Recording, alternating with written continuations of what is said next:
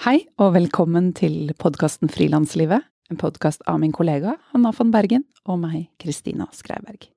Vårt mål med denne podkasten er å være en faglig og inspirerende kanal for alle dere som jobber for dere selv i medie-, kunst- og kulturbransjen.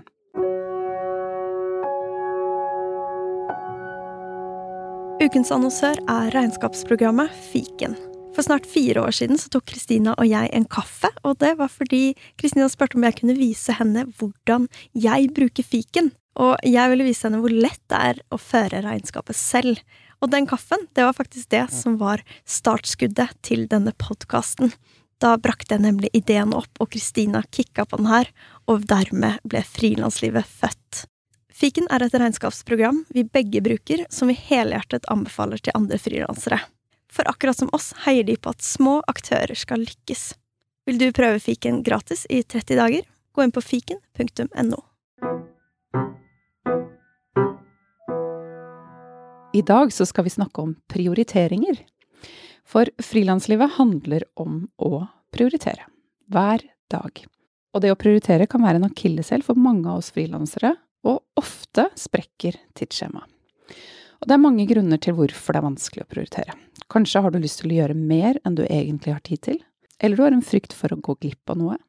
Det er kanskje vanskelig å vite hvor lang tid jobben faktisk kommer til å ta, eller det kan være vanskelig å sette grenser og si nei, eller du trenger pengene.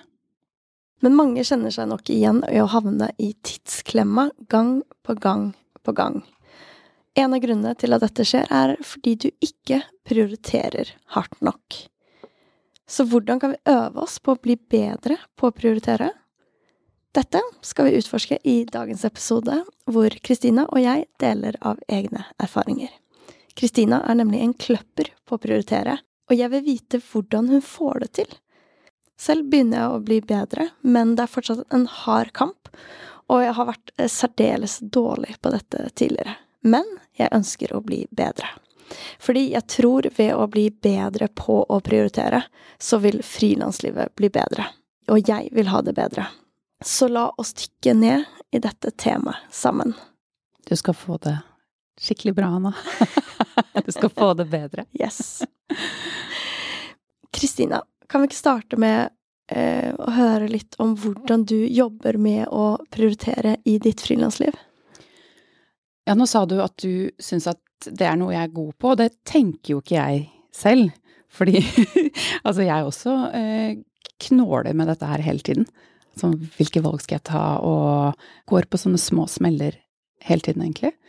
Eh, men det er veldig hyggelig at du syns at jeg har styr på det.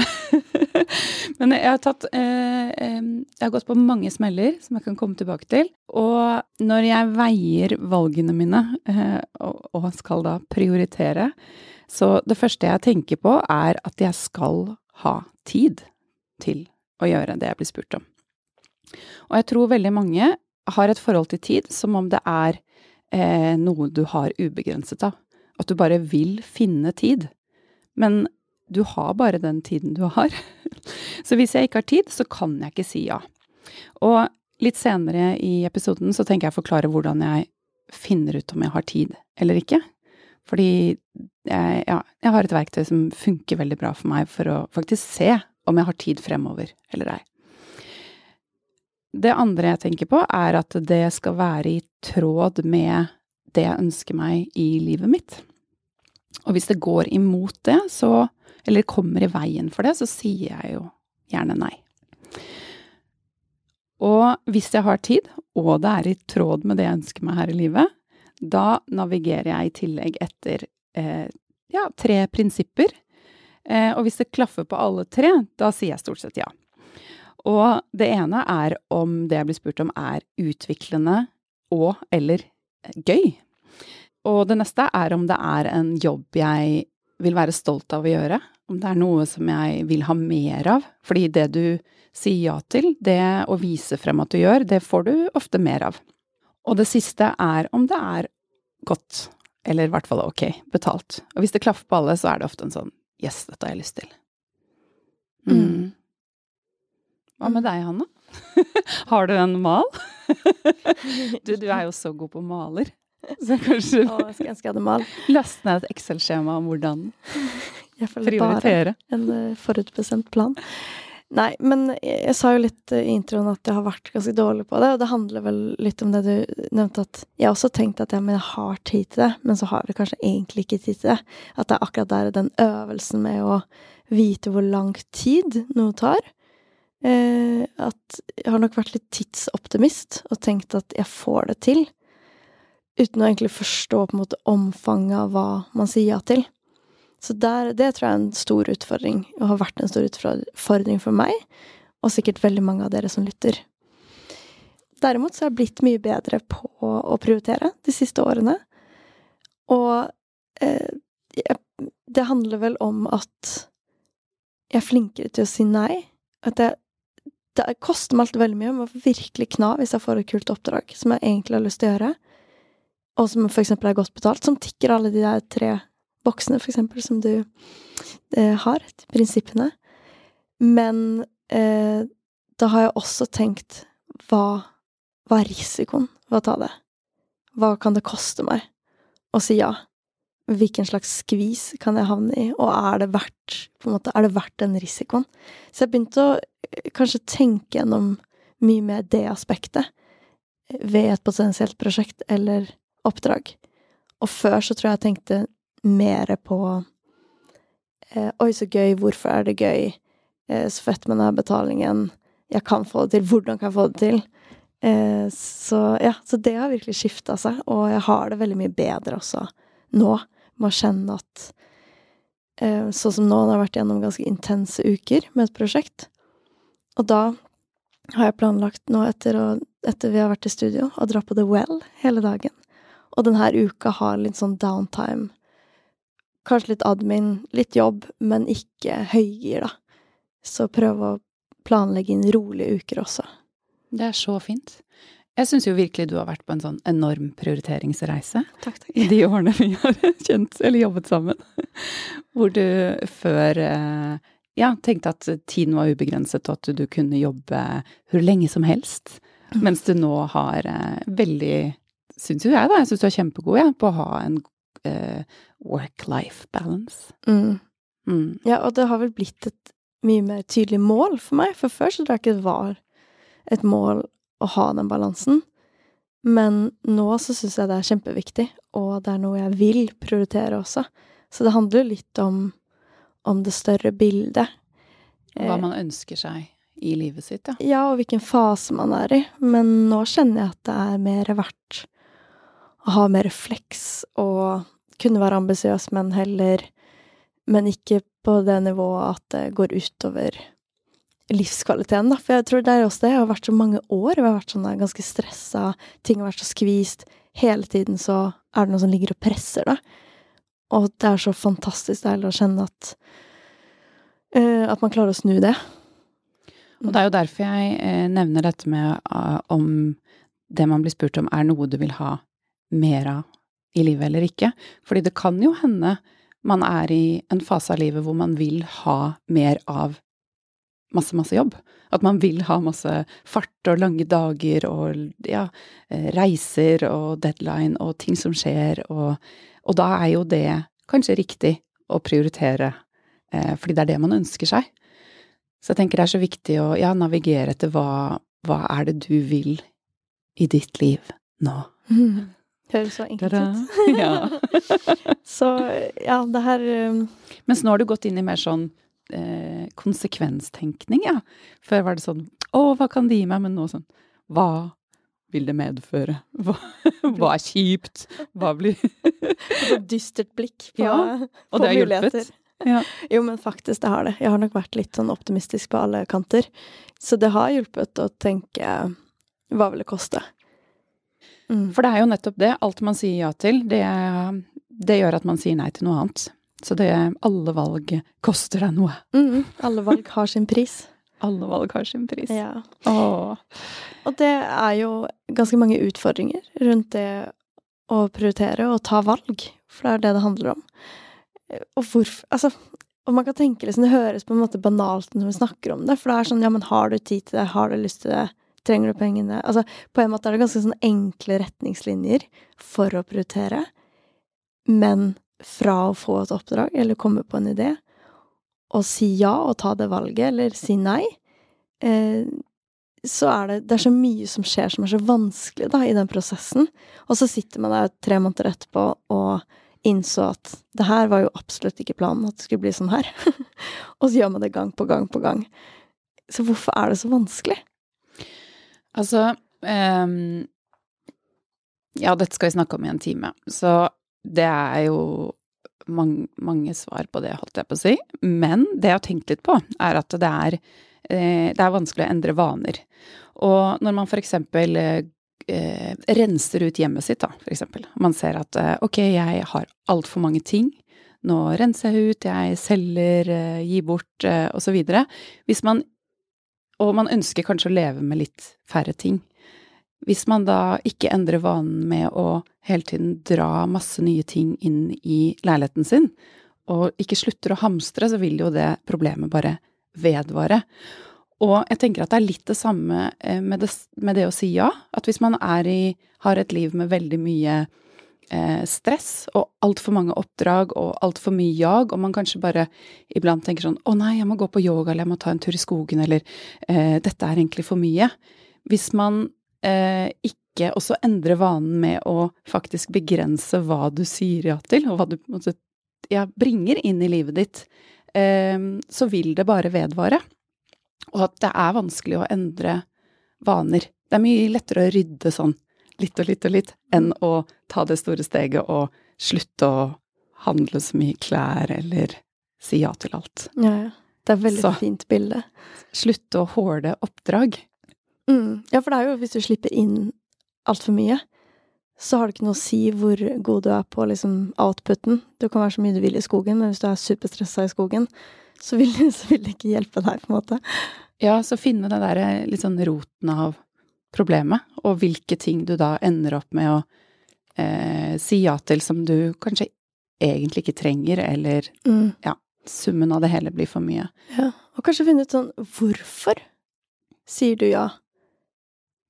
Fordi um, det er jo veldig mange ulike grunner. Det kan være at ja, men at man er blakk og trenger penger. Da kanskje man blir i en, havner i en posisjon hvor man må si ja um, til visse oppdrag. Men det kan jo også være at man ikke vil skuffe folk, at man syns det er vanskelig å si nei, at man vil ikke såre andre. Eller at man bare blir så fascinert av liksom muligheten. Der har nok jeg vært, at jeg syns alt nytt er veldig spennende og gøy, og jeg har lyst. Um, og da er det veldig lett å si ja. Eller at man blir smigra. Kan det også være at man er så ambisiøs at man tenker at uh, ja, men det er verdt det, eller jeg får det til, eller at den, det er det som er drivkraften. Det kan også være at man som frilanser, tror jeg mange kan kjenne seg igjen i, at man uh, er redd for at det kommer liksom tomme perioder, så man vil fylle det opp for å sikre seg at man i hvert fall har inntekt men problemet noen ganger da er jo at når du går et halvt år i tid og har sagt ja til ulike oppdrag, så kommer det andre ting som du kanskje heller vil gjøre. Og så sier man ja til det, for det er det du egentlig vil gjøre, men så har du allerede sagt ja til noe annet for å fylle det opp. Så den der, um, den der planleggingsøvelsen da, kan være veldig vanskelig. Det å liksom grave litt i hva er årsaken til dette ja-et, eller til hvorfor det er vanskelig å prioritere, det tror jeg kan hjelpe litt i forhold til å finne ut av hvordan øve seg på å bli bedre. Og jeg tenker et langt frilansliv består jo av mange eh, sånne brytningsfaser. Altså at du går inn i nye faser av frilanslivet ditt hvor du, eh, hvor du kanskje er uvant at Eller det har jeg opplevd mange ganger, at før i en viss periode så måtte jeg egentlig si ja til alt for å ha noe å leve av. Og så etter hvert som man kanskje bygger seg litt opp, så bare Oi, nå får jeg flere muligheter. Dette var uvant. Jeg kan begynne å si nei. Eh, og så vil man være i en sånn overgangsfase hvor alt vakler litt, og man eh, kanskje jobber litt for mye og går på noen smeller og har eh, litt for mye å gjøre, til man venner seg til at ok, nå er jeg i dette litt nye hvor jeg kan velge litt mer selv. Um, og sånn fortsetter det jo forhåpentligvis, at man fortsetter å utvikle frilanslivet sitt, og at det går i den retningen, da. Men jeg tror alle kan kjenne seg igjen i alle de tingene du beskrev som utfordrende, Hanna. Og jeg, det, er, alt det som har gjeldt, eller, eller vært eh, mine grunner, da. Mm. Alle sammen, egentlig.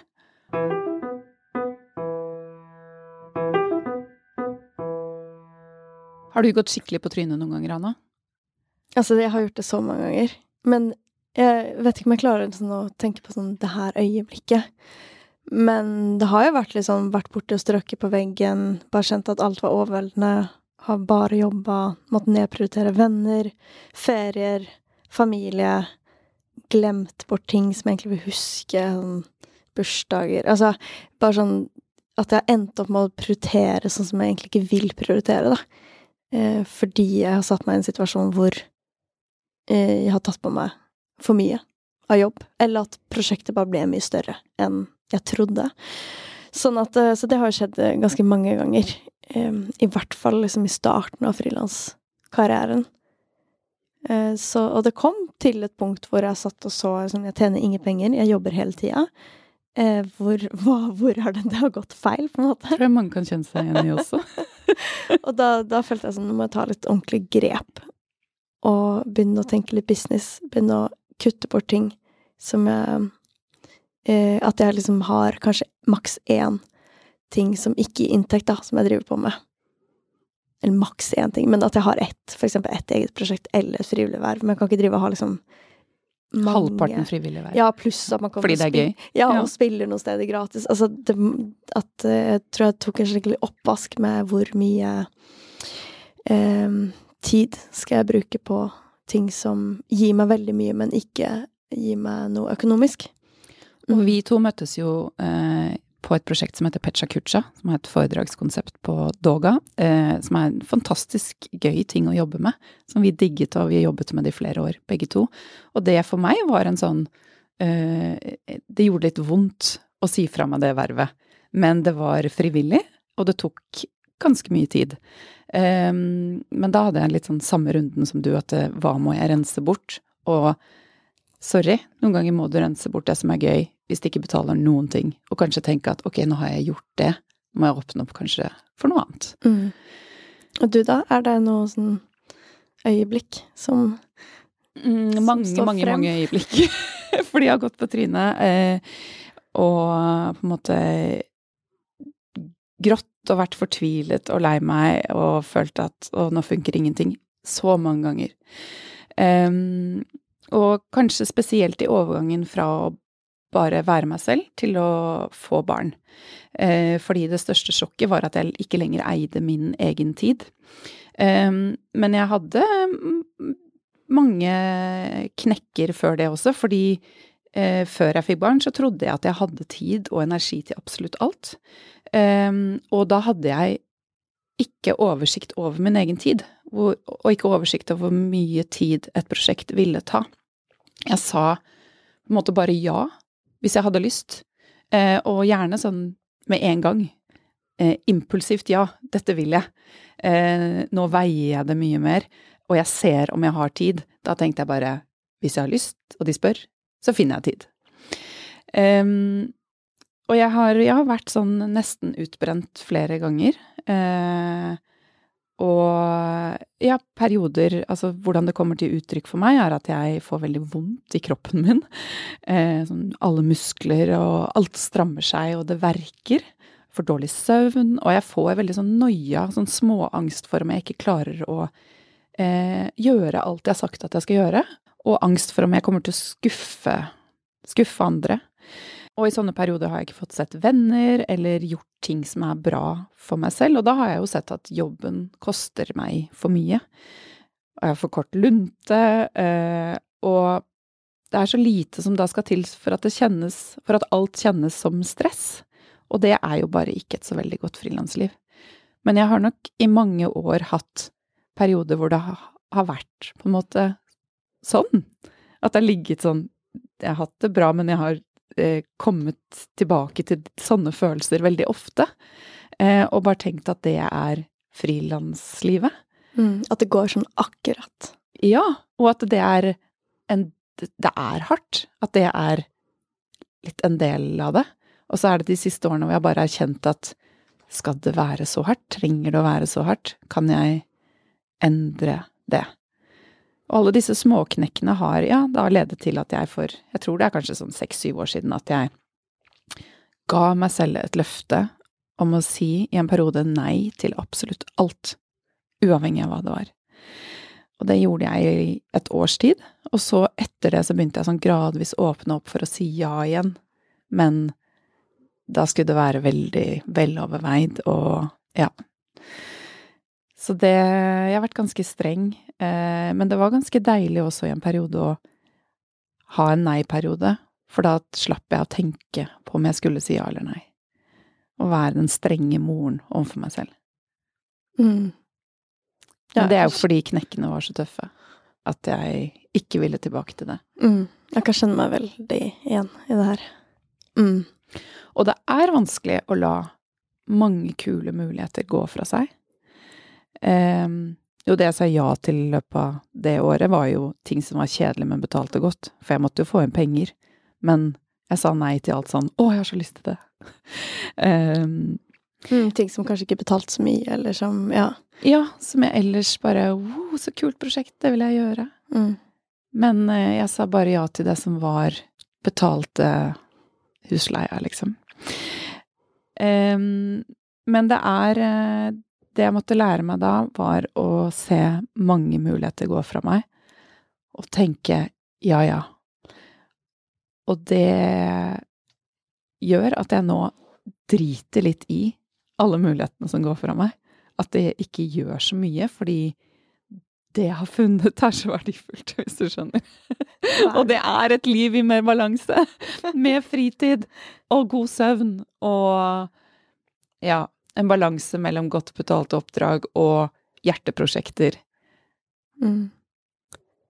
Yes. Ja, det er jo der man vil være, og der kjenner jeg også nå at jeg nesten er. At det er um, At man kan ha litt mer, litt mer sånn indre ro, er et mål for meg. At ikke det er det her jaget hele tiden. Og at det er ikke helt krise hvis det du trodde at du skulle få gjort i dag, skjer i morgen. At, eller at man har litt mer flex. For den der at ting er så pakka at det går litt sånn i oppløsning hvis noe ikke går etter planen, da. Og det er jo aldri sånn at ting går etter planen. Og det er bare så vondt å være i den Altså i det hamsterhjulet, da. Og selvfølgelig når man er helt på randen, så er det jo ganske store grep som må til, sånn som jeg gjorde med å si nei til alt. Men eh, når jeg ser nå i hverdagen, hvis jeg ser at oi, nå har jeg hatt noen litt stressende dager, og, og nå ble alt litt jagete, og eh, ja, liksom virvelvind inni meg, og hvis den, den ene avtalen blir forsinket, så forsinker det på en måte hele dagen, så ser jeg at det er ikke så mye som skal til når jeg da planlegger uken min. Hvis jeg bare tar bort kanskje én avtale fra hver dag og plasserer det et annet sted, og aksepterer at ting skal ta litt lengre tid, så blir alle dagene så mye bedre. Så hvis du bare skaper litt luft, så forandrer det på en måte hele flyten i dagen. Og gir deg bare en mye bedre opplevelse av arbeidslivet ditt.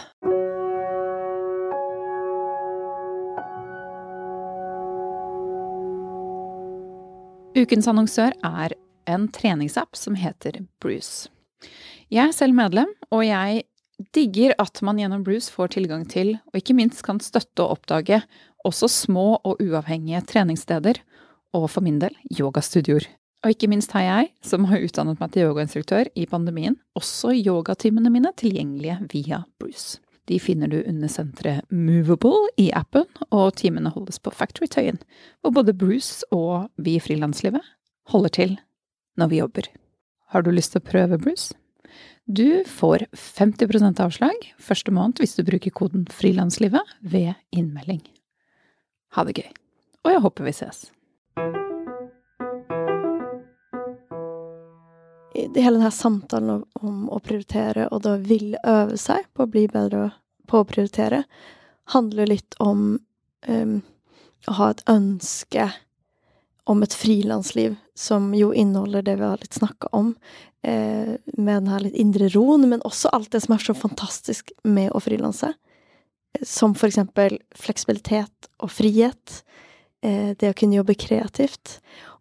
Og det å kunne bli god på å prioritere tror jeg utløser muligheten til å benytte seg av liksom styrkene til arbeidsformen, da. At man kan bruke den fleksibiliteten og friheten Men hvis man blir for skvisa eh, på tid, på mengde av jobb, så, så fins det ikke noe fleksibilitet eller frihet igjen. Um, så det, og så er det jo liksom all, all, effekt på resten av livet. Eh, generelt at hvis frilanslivet er godt, og jobben er god, så føles hele livet bedre ut. At man har en mye bedre balanse. Man har også tilstedeværelse i resten av livet. I samtaler med venner, med familie. Eh, mer indre ro. Altså et rikere liv, rett og slett. Og så bare en liten innskytelse. Man klarer jo ikke å ha det sånn hele tiden. Det er ikke som at jeg er i balanse hele tiden. Ja, ja, ja. altså Noen ganger er jeg for sent ute til alt og putter inn fortsatt altfor mye i dagen min. Men eh, for noen år tilbake så eh, skulle jeg rekke et fly, og jeg var alltid for sent. Eller litt sånn akkurat på marginen. Hvis jeg er der da, så rekker jeg det. Og så kjente jeg sånn på vei til flyet at jeg liksom bare satt, og, eller, satt på toget og bare så på klokken hele tiden sånn Å, jeg kommer til å rekke det, kommer til å rekke det. En sånn angstfylt følelse. Så tenkte jeg sånn Hvorfor setter jeg meg selv i denne situasjonen? Hvorfor planlegger jeg ikke å bare ha en halvtime mer tid, sånn at jeg kan kose meg med å skulle dra på denne turen? Og det, det var også sånn løfte jeg ga meg selv. Du skal ha god tid på vei til ting, fordi det endrer hele opplevelsen av det du skal gjøre. Så hvis du har god tid på vei til et møte, så går du og gleder deg sannsynligvis til at du skal på det møtet eller det gøye oppdraget du skal på, fremfor at du angster på veien dit. Mm. Så det har så utrolig mye å si. Den følelsen du da går med i dagen din. Jeg får ja. frysninger, for jeg føler at det er så overførbart til på en måte det her med prosess versus resultat. At det er så sant for eh, alle typer prosjekter og oppdrag man gjør. At hvis du har den tiden på å gjøre oppdraget eller prosjektet, så er det så mye morsommere, og det gir så mye mer. Eh, og du får til mye mer også enn hvis du skal liksom haste og være stressa og eh, Ja, at blir ikke, prosessen blir ikke noe god. Og da har det ikke så mye å si hvis resultatet blir bra. Fordi det er en sånn bitter, sånn en bismak, da. Hvis prosessen ikke har vært noe fin. Så det er ofte mulig å gjøre små justeringer for at du skal føle at, føle at det kjennes bra, rett og slett. Mm. Men hvordan få det til? Nå skal vi liksom dykke ned litt i, i, i hva vi har lært oss, og, og, litt sånn metoder. Og hvordan øve seg på å bli god på å prioritere. Ja. Yes. Og jeg er ingen sånn uh, prioriteringscoach. Kristina, hva er fasitsvaret? Men jeg skal prøve. og jeg vil gjerne starte med eh, verdiene dine. At du tar en ordentlig samtale med deg selv, og kjenner på hva du ønsker deg av ditt liv. Hva vil du ha mer av? Når har du det bra? Når har du det ikke så bra? Og det betyr kanskje ikke at du får det til akkurat nå. Um, Kanskje du er i en periode hvor du jager eller har påtatt deg for mye, eh, og noen ganger bare må du, og du biter tenna litt sammen. Men hvis du ikke har hatt den samtalen med deg selv, så vil du ikke ha noe å kunne navigere etter. Så jeg tenker at det er så uavhengig av hvor du er i frilanslivet og livet ditt, så er det viktig å bare å kjenne litt etter hvor du vil hen, og hva du ønsker, sånn at du har noe å ledes av. Og jeg går litt systematisk eh, til verks, eh, og i starten av et år så sitter jeg og skriver ned hva jeg ønsker meg, og hva jeg vil at skal være eh, hovedprosjektene for det året. Og det går jeg tilbake til noen ganger i løpet av året, og liksom at jeg også kjenner etter i hverdagen. Sånn er det denne Har jeg den følelsen, på en måte, eller har jeg den ja, rytmen i livet som jeg har ønsket meg å ha? Og ved å ikke ha den eh, dialogen med seg selv, så, eh, og ikke ha oversikt over tiden sin, så tenker jeg at man setter seg selv hele tiden i en ganske vanskelig situasjon. Og ikke bare deg selv, men også de rundt deg, hvis du har folk tett på deg. Og for min del så vil jeg ha en hverdag som også innebærer hvile, gøy, lek, eh, familie, venner. Og jeg ønsker heller ikke å konstant tøye grensene til de rundt meg. Og det tenker jeg er viktig. Og det her, når du setter deg ned i starten av året, hvordan ser det ut? Hva, hva skriver du ned? Jeg lager liksom tankekart. Har et stort papir, og så ja, lager jeg sånne bobler for hva, hva jeg ønsker meg både personlig og jobbmessig. Og det kan være alt fra sånn helse, eh, hvordan oppnå det, så jeg piler til hva jeg skal gjøre for å oppnå det, eller mer fritid, hva jeg ønsker å gjøre i fritiden. Eh, hvilke jobbprosjekter, om jeg har lyst til å gjøre mer foto det kommende året, eller om jeg har lyst til å skrive mer, eller eh, oppnå mer med podkastprosjektet med deg. Eh, at jeg på en måte setter liksom retningen for det kommende året. Mm. Og da ble jeg veldig nysgjerrig. Og det må man ikke gjøre, hallo. Dette er bare meg. Ja. ja. Og jeg blir så nysgjerrig på om du klarer å gjøre et slags sånn realistisk bilde av året, eller mål for året. For det er jo akkurat det her syns jeg er det mest spennende liksom, med å prioritere, er denne forståelsen av tid, som er så ufattelig vanskelig. Fordi eh, hvordan unngå å lage det tankekartet og bare makse alle områder i livet? Men det er jo fordi du kan ikke gjøre alt. Nei, og det vet jeg. Hallo, dere. Ingen av dere kan gjøre alt samtidig. Og det har jeg også eh, på en måte lært meg, eh, jeg vet ikke om det er eh, alder eller hva det er, at jeg tenker nå på en måte i mye lengre baner. At jeg tenker at jeg skal ha et langt frilansliv. Um, og at jeg ikke trenger å gjøre alt med en gang. Og jeg tenker at hvis du putter for mye inn i det året, for mange bobler på det kartet, så blir det jo bare bitte litt av hver. Så det, dette handler litt om sånn hva vil du satse på? Hvor vil du legge energien din? Hvor vil du se resultater? Hva vil du tilbringe tid på å gjøre? Og har du 15 bobler, så blir det jo veld, veldig begrensede resultater og bare litt av alt. Så øvelsene er jo å velge bort også.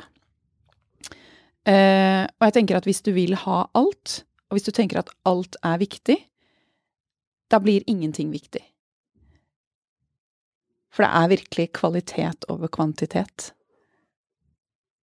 Det jeg også gjør, er at jeg fokuserer på det jeg velger å si ja til, ikke på det jeg sier nei til. Hvis jeg har sagt nei til noe, eller velger på en måte å gå glipp av noe, da, som man kanskje føler at man gjør Når jeg har sagt nei, så tenker jeg ikke mer på det.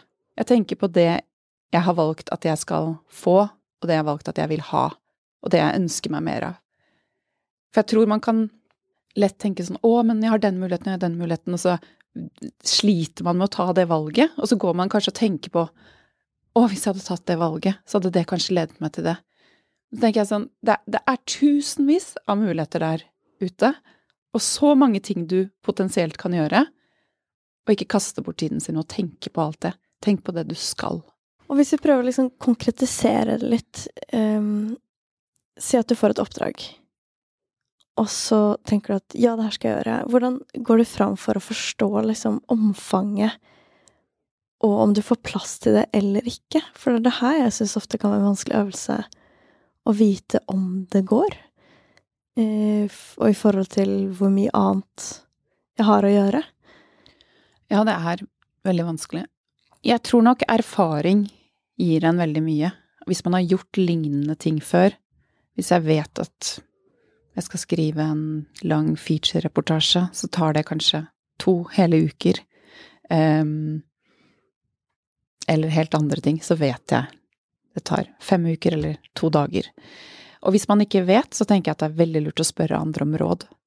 Eh, og at man også kan sette seg ned og skrive en liste over hva hele det prosjektet innebærer. Altså en lang to do-liste, bare for å få oversikt. Hvis man tenker at dette er noe jeg har lyst til å gå for. Men jeg bruker kalenderen min på en litt sånn alternativ måte. Og det er at jeg eh, Dette har jeg nevnt i andre episoder også, men jeg bruker den som et sånt eh, tidsoversiktsverktøy. Og jeg plotter inn eh, hele dager til Hvis jeg har blitt spurt om å Sånn som nå er jeg redaktør for et tidsskrift, eller påtatt meg et redaktøroppdrag, som er denne våren her, som tar for eksempel 20 hele dager. Da plotter jeg ut de dagene i kalenderen for å se om jeg har de dagene tilgjengelig. Og da er de booket, Og når jeg plotter ut sånne hele dager, da vet jeg at det er, det er, det er på planleggingsstadiet.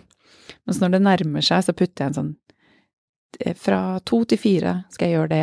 Da, da, da, mm. Men hvis det er en sånn hel dag hvor bare hele dagen er markert i lilla for frilanslivet f.eks., langt, langt frem, at vi skal lage kurs, så vet jeg at det er noe jeg ser for meg Jeg holder av tid til at jeg skal ha tid til det. Mm. Og det høres jo kanskje litt rart ut, men før så hadde jeg en sort almanakk hvor jeg egentlig ikke hadde oversikt over de lange linjene og tiden langt frem. Mens nå har jeg jo oversikt over det neste halvåret, og hva jeg kan si ja til. Og hva jeg ønsker å gjøre, og jeg, ja, hvordan jeg disponerer tiden min. Eh, så for meg har det vært et helt eh, fantastisk tidsplanleggingsverktøy. Og da ser jeg jo om jeg har noen ledige dager tilgjengelig, eller om jeg vil ta bort et prosjekt og kanskje putte det til høsten istedenfor, for å få plass til noe annet. Mm. Og det er nesten sånn at man kunne brukt det, og i tillegg lagt på en slags sånn Akkurat som noen ganger når man lager et budsjett, så legger man inn en post som er sånn uforutsett. Eh, som for eksempel er på 10 Ja, for hvis eh, du ikke vet hvor lang tid noe tar, så tenker jeg estimer opp alltid. For det tar nesten alltid lengre tid. Og hvis du da bare har litt tid som ble litt sånn luft i kalenderen, så er jo det helt fantastisk. Mm. Men det kan jo hende mange tenker at oi, dette, å ha dette i kalenderen sin eh, blir litt rotete, fordi man kanskje jobber mye, har et veldig sånn tett forhold til kalenderen sin, alt som står der, det skal gjøres. Men dette kan man jo kanskje gjøre i Excel eller hva enn, egentlig, eller lage et stort ark på veggen hvor man plotter inn rosa Post-It-lapper eh, for det ene prosjektet og grønne for det andre. Dette skal jeg gjøre i mai, dette i juni, og så videre. Så det er mange måter å gjøre det her på, men å få en oversikt over tiden man har til rådighet fremover, det anbefaler jeg på det sterkeste. Ja, og også huske på all den tiden som forsvinner. I admin, i lunsj, i reise, i møter. Vi har i, egne farger for admin, for eksempel. Ja. Det setter en halv dag her og der. Så god. Ja, så det er jo Det fins jo sånn timepriskalkulator på nett, hvor de har på en måte gjort et estimat over hvor mange dager og hvor mange timer man faktisk har tilgjengelig på et år, og man tar bort sånn sykdom, ferie, kurs, admin, alt mulig. Og det og da se Altså, det er mye mindre enn den tiden man tenker man faktisk har tilgjengelig. Og en adelse som kan være ganske fin å gjøre, er jo at hvis man gjør et mer sånn kortere prosjekt på eh, en måned eller tre måneder eller fire måneder, og noen ganger så søker man jo også tilskudd, så da sitter man jo og estimerer sånn hvor mye tid tror vi at det her tar. Eh, og det er veldig fint da etter prosjektet forstå hvor mye tid tok det faktisk. For det gir veldig god innsikt i er du en tidspessimist, som de kanskje færreste av oss er, eller er du en tidsoptimist, hvor mye mer tok det egentlig? Og hvor, eh, eller hvor riktig hadde du estimert, da? Og at, sånn at man blir liksom bevisst på den erfaringen man har for hvis du ikke vet om du brukte mer eller mindre tid, så er det veldig vanskelig å vite hvordan du skal gjøre det neste gang. Og her syns jeg vi skal slå et slag for timeføring. Mm, som vi alltid gjør. ja, altså det har jeg begynt med eh, nå, nå Det har jeg begynt med nå i 2022, sånn på ordentlig. Og så har jeg bare gjort det for frilanslivet med deg i alle de årene vi har jobbet sammen. Og det er virkelig noe jeg har lært av deg. Verdien av timeføring. Um, og det tror jeg mange tenker at herregud, så dølt å sette seg ned og skrive ned alle timene du jobber med hva. Og jeg har i alle år tenkt at det er ikke noe poeng. Altså, hvorfor skal jeg gjøre det? Jeg vet sånn cirka hvor mange dager jeg brukte, og hvorfor skal jeg bruke tid på det? Men så ble jeg anbefalt et verktøy som jeg nå bruker, som jeg nyter å bruke, som heter Toggle. Toggle.com som visuelt taler veldig til meg, hvor du kan sette forskjellige farger på de forskjellige prosjektene, og jeg har selvfølgelig samme farger da på i to do-listen min, som jeg kommer tilbake til senere, og i kalenderen min, sånn at alle prosjektene har samme farge i hver av disse verktøyene, som jeg finner veldig stor glede i. Men nå etter hver dag eh, så fører jeg timene jeg har jobbet, eh, eller når jeg er ferdig med å jobbe med et prosjekt. Noen ganger jobber man litt med alt mulig i mailen sin, da blir det litt mer sånn admin-tid. Men det, det, det, er jo et veldig godt verktøy til å da lære av egne erfaringer og se hvor lang tid tar et sånt type prosjekt når man skal si ja til noe. Eh, men for meg, eh, nå har jeg påtatt meg et prosjekt hvor det krever ganske mye jobb, så jeg har lange arbeidsuker. Ehm, og når jeg ser at jeg da har jobbet mye, jeg kan se det, ikke sort på hvitt, men rosa på hvitt, fordi det prosjektet har fått fargen rosa, at jeg har jobbet mye med det prosjektet, eller det oppdraget, så får jeg en sånn Jeg ser at jeg har jobbet mye, jeg, har ikke bare en, jeg går ikke bare rundt med en følelse av sånn Å, jobber jeg litt mye for tiden? Hvorfor er jeg så sliten? Ja, Jeg skjønner ikke. Ikke sant? Men jeg får, eh, jeg får mye mer sånn medfølelse med meg selv, og en forståelse av at ja, men nå er jeg sliten, for jeg har jo jobbet så mye. Og nå, sånn som du skal gjøre denne uken her, kan man unne seg selv en rolig uke eller en rolig periode når det, når det prosjektet er over. Ja. Fordi man ser at man trenger det, fremfor at man bare går og liksom lar arbeidstiden sin flyte over Ja. i hverandre. Og da syns jeg det er viktig å tenke at det er ikke sånn at jeg tar fri i dag. Det jeg gjør, jeg tar avspasering. Fordi jeg jobba overtid. Og det er jo sånn det hadde vært i en del bedrifter, da. Eh, hvis man har jobba for mye, så kan man få det ut som ekstralønn, eller man kan ta avspasering. Og det tenker jeg at eh, det er viktig å ikke bare liksom få en dårlig samvittighet over å ta seg en dag fri, i anførselstegn, men at det er Ja, det er på en måte eh, Er tid du har jobba over tidligere. Det er din tid. Det er min tid. Mm. Men jeg tror eh, mange skapende mennesker har litt sånn fobi rundt å bli for systematisk og ha for mange sånne verktøy og eh, timeføring og rutiner og alt dette her, egentlig. Men jeg tror det er viktig, og, og man trenger ikke å ta i alle disse tingene vi tenker på nå, men det å skape gode rutiner og eh, ja, for seg selv, det handler jo eh, om å skape god flyt i livet sitt. Så hvis man klarer å kanskje se på det mer sånn, at jeg har lyst til å skape en god flyt, så blir det kanskje lettere å skape de rammene, Mm. fremfor ordet rutiner. Jeg vil bare nevne at dette med å estimere tid ikke funker på alt man gjør som et skapende menneske. Fordi det, du kan nesten ikke estimere hvor mye tid du skal bruke på å male alle bildene til en utstilling, eller skrive en roman, eller lage en ny plate. Så jeg tenker at det er lurt å skille mellom mm, skapende arbeid og mer sånn oppdrag du gjør, og alt det admin-greiene du skal få gjort, alle stipendsøknadene du skal skrive, osv. Der kan du estimere tid, men den derre skapende virksomheten hvor du helst ikke vil si 'dette skal bli ferdig på en uke', det, det er viktig å liksom ha, ha i bakhodet. Eh, For på slike ting så funker jo ikke det jeg har snakket om nå. Og da bruker jeg en helt annen metode, hvor eh, jeg ikke setter noen tidsfrist på når dette skal bli ferdig, men jeg blokker like fullt ut tid til det i kalenderen min, sånn at jeg får prioritert å gjøre det. Men uten at det har en deadline, Mm. nødvendigvis. Ja, at man kanskje har liksom hver torsdag og fredag, så er det eh, Da skal jeg drive med det her skapende arbeidet.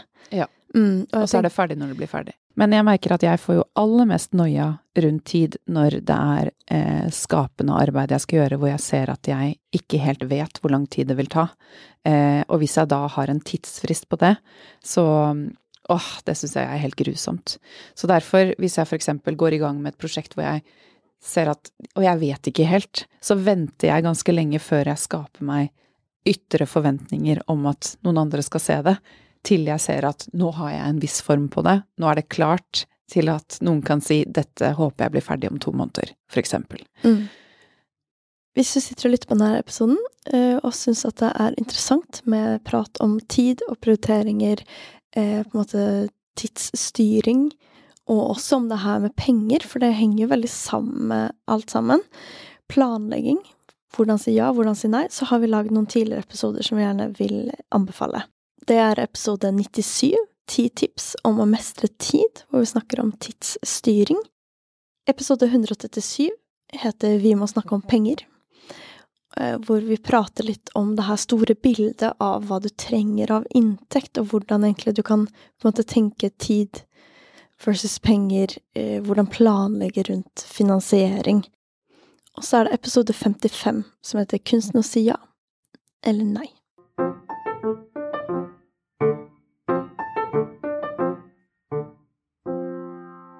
Men Kristina, du har jo et uh, slags metode, eller hva man skal kalle det, um, som jeg syns er veldig inspirerende og spennende å høre om. Som er uh, Ja, som handler om hvor mange prosjekter du på en måte kan ha gående samtidig. Ja, og det, det. det, har jeg, og det er fordi jeg har hørt fra en eller annen, eller lest et eller annet sted, at uh, vi ikke klarer å forholde oss til mer enn åtte prosjekter i livet samtidig. Eh, på en god måte, da. Men Ja, så kan det virke som åtte prosjekter. Det høres jo megamye ut. Ja, fordi, og det er det nok, for jeg googlet dette i går, og da sto det sånn The optimal amount of projects for liksom great work uh, efficiency og fokus er to til tre prosjekter. Så, så hør på dem isteden. Men når du sier prosjekter, så mener du ikke bare jobb? Nei, da tenker jeg så altså jeg vet jo ikke hvor jeg har dette fra, men jeg har i hvert fall navigert litt sånn løst etter dette i noen år. Og da tenker jeg livsprosjekter. Jobb og livet. Eh, alt i ett. Og at det er gjerne litt sånne store prosjekter. Ikke en ting på to do-lista.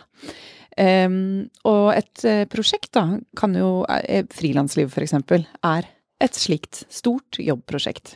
Hvor det er masse underdeler i frilanslivet. Men da Jeg går og tenker mye på frilanslivet. Hvordan vi skal løse det ene og det andre. Og da eh, Så det blir en sånn stor ting som jeg har i. Og, og nå har jeg jo påtatt meg et sånt magasinprosjekt for en kunde.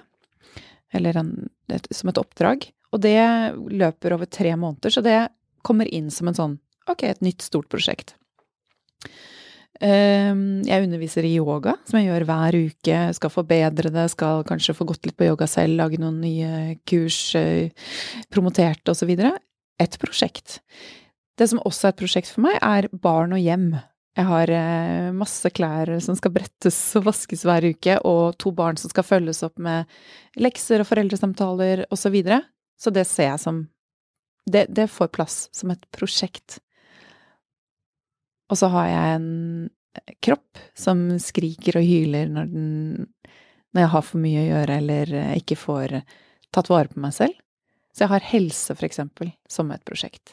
Så det er bare for å illustrere liksom hvordan jeg tenker rundt prosjektene.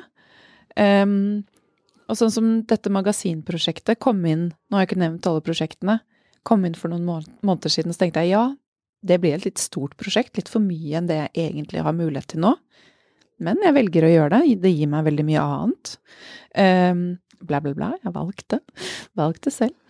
Uh, og da har jeg tatt et annet prosjekt ut, for eksempel fordi jeg ser at ok, da kan jeg ikke i den perioden også bruke tid på det. Det pauser jeg fullstendig for å få plass til dette andre. Nei, jeg tenker Det spørs litt på omfanget av det man driver med. Så klart Hvis du har noe du gjør på fulltid, så har du ikke tid til syv andre prosjekter i der. Men hvis du jobber Nei, litt jo Ja. Det er, dette er for frilansere. Ja, hvis du Ja. jobber litt sånn, du har et eget prosjekt, men så kanskje tar det oppdraget, og så har du noe du har starta der som du vil få i gang, og så Altså, så blir det fort flere ting, da. Og sånn som i podkasten, så er kanskje det med podkastproduksjon er ett prosjekt.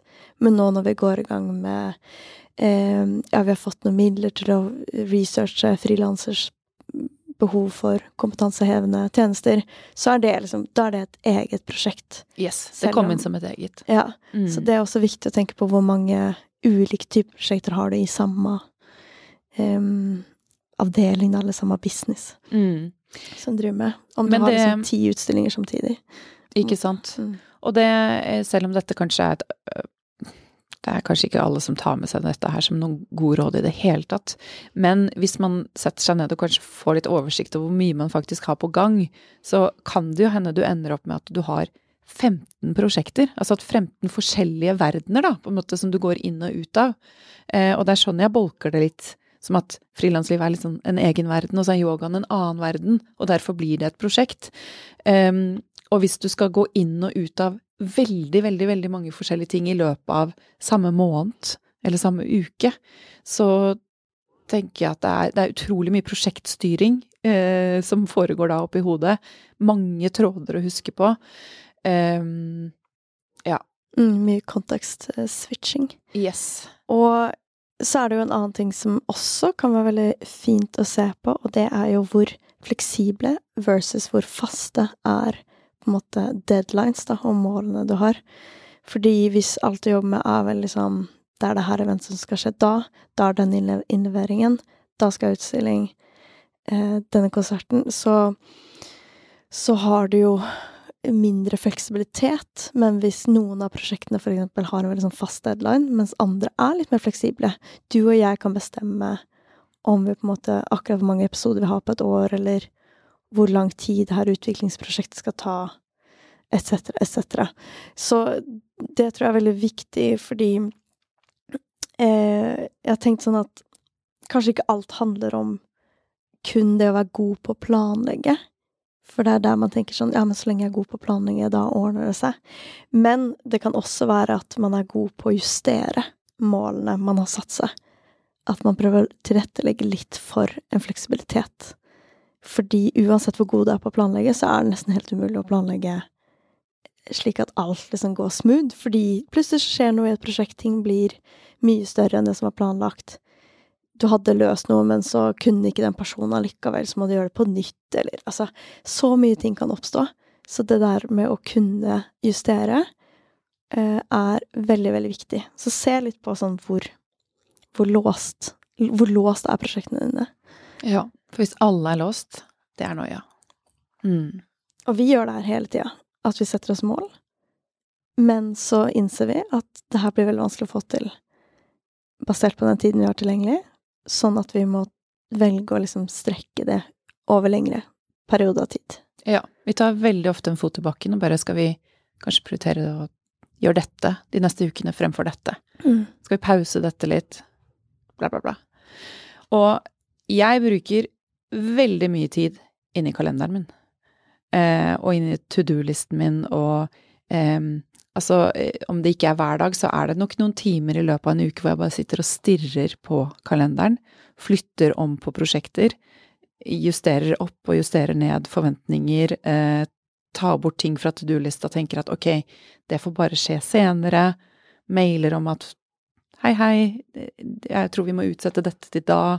Altså veldig mye sånn eh, koordinering og justering, og bare eh, finpusser på eh, ukene mine for at den, det skal flyte bra. Det Og det Ja, jeg ser på inni den der toggle, da, at det går noen to-tre timer, fire kanskje, hver uke til å gjøre det. Ja, wow. Og, og det, det, er sånn som jeg tror overrasker folk. At man velger å bruke mye tid på det, og at det fortsatt kan ha veldig mye verdi å gjøre det. Og noen ganger så tenker jeg på samme rundt finansiering, at en grunn til at man handler i den skvisen, er jo ofte at man kanskje gjør ting som ikke er så godt finansiert, og så må man gjøre andre ting som eh, Eller gjøre mange sånne ting, da, for at det skal bli ok lønn. Um, men ved å velge å omstrukturere og heller ok, vi søker penger, og så får vi svar om fire måneder, og så velger vi å gjøre det neste år eller til høsten istedenfor i vår. Altså at jeg tror noen ganger ved å virkelig tenke litt der i lange bane, så kan man kanskje justere sånn at det, man kommer litt bedre ut av det. Mm, men det Man skal ikke undervurdere hvor mye tid eh, som type markedsføring, admin, eh, finansiering Altså sånt tar, da. Det tar veldig mye tid. Det gjør det, og når jeg da sitter og stirrer inn i kalenderen, og selvfølgelig inn og ut av mailen og omstrukturerer litt og eh, setter Ok, denne tidsfristen prioriterer jeg fremfor den, eller ja, hva, hva enn det er, så er jo det eh, prosjektstyringstiden min. Eh, og jeg tenker at det er veldig verdifull tid å få overblikk over, i hvert fall hvis du har mange ting gående samtidig, om jeg har mine åtte, da. Eh, kanskje jeg har noen andre som jeg må gi beskjed om at ok, dette her kommer først til å skje om to måneder, videre. Det, det er jo da jeg får koordinert med alle rundt meg og med meg selv, og eh, ja. Jeg tenker det er vik viktig tid, og det gir meg veldig overblikk og ro og flyt. Og jo flere prosjekter, og jo flere eh, prosjekter med masse smått, jo mer tid trenger du jo til det her. Og jeg eh, vegrer meg, eller de siste årene, mer og mer for å ta i prosjekter som er veldig små. For jeg ser at det innebærer nesten like mye admin som et stort prosjekt. Um, og jeg hørte en uh, kollega i et kontorfellesskap jeg hadde før, sa at uh, en sånn dagsjobb, det gidder jeg ikke å ta lenger. Eller en jobb som bare betaler meg sånn fem 5000. Det er min nedre grense. Altså det, jeg, jeg tar ikke ting som er under det, fordi det er ikke verdt det. Med møte og telefonene og fakturaene og ja, alt som skal gjøres rundt. Og det Ja, tilbake til den derre de brytningsfasene, da. At man, man har perioder hvor man selvfølgelig må gjøre det, og så etter hvert så kanskje man ser at ok, det gir meg ikke nok lenger, jeg prioriterer noe annet.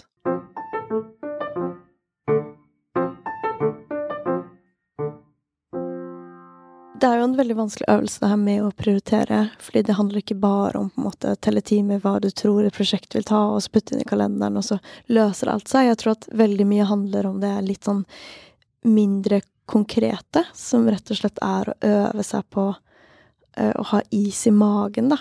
Eller å ikke rushe prosjekter. Uh, kunne på en måte Ofte så kan vi ha en situasjon hvor jeg tenker sånn ah, vi skal ikke bare pushe det litt, og så får vi inn den ekstra søknaden. Eller vi skal ikke pushe litt, og så prøve å gjøre liksom det her kule som jeg prata om. Eller ta det her ekstra oppdraget. Men da syns jeg ofte du er veldig god til å At vi liksom setter oss ned, og så tar vi en prat sånn Ja, men jeg ser at det rett og slett ikke går, eller det koster for mye. Det er litt tilbake til det vi snakka om i starten, at at det er så lett å havne, liksom havne i fristelsen for å pushe seg og si ja. Fordi man er veldig redd for den muligheten som man kommer til å gå glipp av. Og jeg er nok kanskje mer sånn enn jeg har tenkt, som du beskrev innledningsvis, at du tenker hele tiden på hva som er baksiden ved å si ja. Um, at jeg gjør jo også det. At jeg tenker på hva koster det, og hva er um, Altså at det er veldig lite som er verdt at alt blir stress for meg. Um, da går jeg heller kanskje glipp av at vi fikk gjort alt det vi ville. At det, da mister det litt sin verdi. Um, det er liksom så vanskelig å bli god på, tenker jeg, det med is i magen, at At det er eh, Det er liksom som å prøve å øve seg på å være tilstedeværende. At det er sånn mm. Hvordan gjør man det egentlig? Uh, og at det er litt sånn Kanskje man trenger noen rammer rundt seg for å være god på det.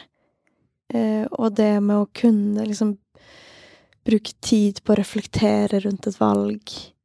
Det å kanskje ha noen å kaste ball med og prate om sånn Skal jeg virkelig ta det oppdraget? Skal jeg ikke ta det? Um, jeg tror man kan bli litt stuck i sitt eget hode noen ganger. Og hvis man kjenner at dette er noe man ikke er så god på, så tror jeg det er så mye verdi å ha noen gode sparringspartnere. Altså noen andre frilanskollegaer eller noen gode venner som er gode på å på en måte speile deg litt, da. Um, og så syns jeg det blir mye lettere å ta gode valg hvis du gir dem litt tid. Hvis du, hvis du kan gå noen runder med deg selv og um, Ja, vi har jo egentlig begge to nesten en regel om at vi sier aldri ja spontant. Man sier 'Å, dette var kjempespennende. Kan jeg komme tilbake til deg i morgen, eller i løpet av noen dager?' Um, sånn at man tar veloverveide valg.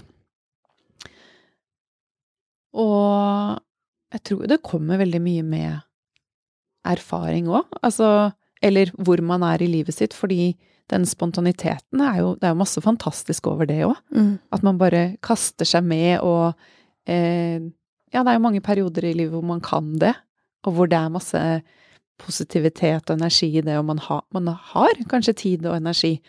Og da er jo det helt fantastisk. Da er det det man ønsker seg. Så dette her handler jo kanskje mest om hvis man ønsker å gjøre noen endringer, og det er alltid veldig vanskelig, og at man ved det å på en måte gå litt tilbake og tenke sånn Sist gang jeg tok et sånt valg, hvordan Hva skjedde da? Hva ledet til for meg? Hvordan følte jeg meg da? Ønsker jeg det igjen? Um, og så prøve å ja, lære av erfaringene sine, da. Jeg tror det er kjempelurt ikke bare tenke liksom framover, men virkelig tenke Se tilbake på valgene du tok, og hvordan du prioriterte. Men samtidig selv med all den læringen, så vil man eh, man, man vil havne i situasjoner hvor det bare ikke ble sånn som man hadde tenkt likevel. Og at man sitter og jobber en hel ferie, og at eh, eh, Så sånn er det bare. Og det å bare ha litt aksept for det, og at det, det skjer med absolutt alle mennesker. At man eh, liksom Ja ja, ok, det skjedde nå. Eh, men så er det jo fint om det er mer sånn unntakstilfeller enn at du Det alltid skjer. Mm. Eh, jeg booket meg jo i vinter en sånn reise til Syden, helt alene. Som egentlig, da jeg booket den, skulle være en sånn sitte og tenke over livet og prioriteringer. og lese bok og sånn. Og så ble det en uke bare med veldig mye jobbing. Um, og det er jo fordi jeg fikk et uh, oppdrag som jeg Og da jeg fikk det, så visste jeg det vil gå utover både påskeferien min Noen timer hver morgen satt jeg jobbet, og denne sydenturen, og lange uker utover det. Men noen ganger så er det også eh, Det det koster deg, er kanskje verdt det. Så at man tar sånne valg likevel. Um, men at det er unntak fremfor at det er sånn alltid. Mm. Og det blir jo mye lettere om man da vet sånn Hva er det jeg egentlig ønsker meg? Det er kanskje ikke å ha det sånn som jeg har det nå, i disse månedene, men det leder meg til å Det jeg egentlig ønsker meg. Mm. Mm. Det er fint. Ja. Takk for samtalen, Kristine. Takk for praten. Ha det bra. Ha det.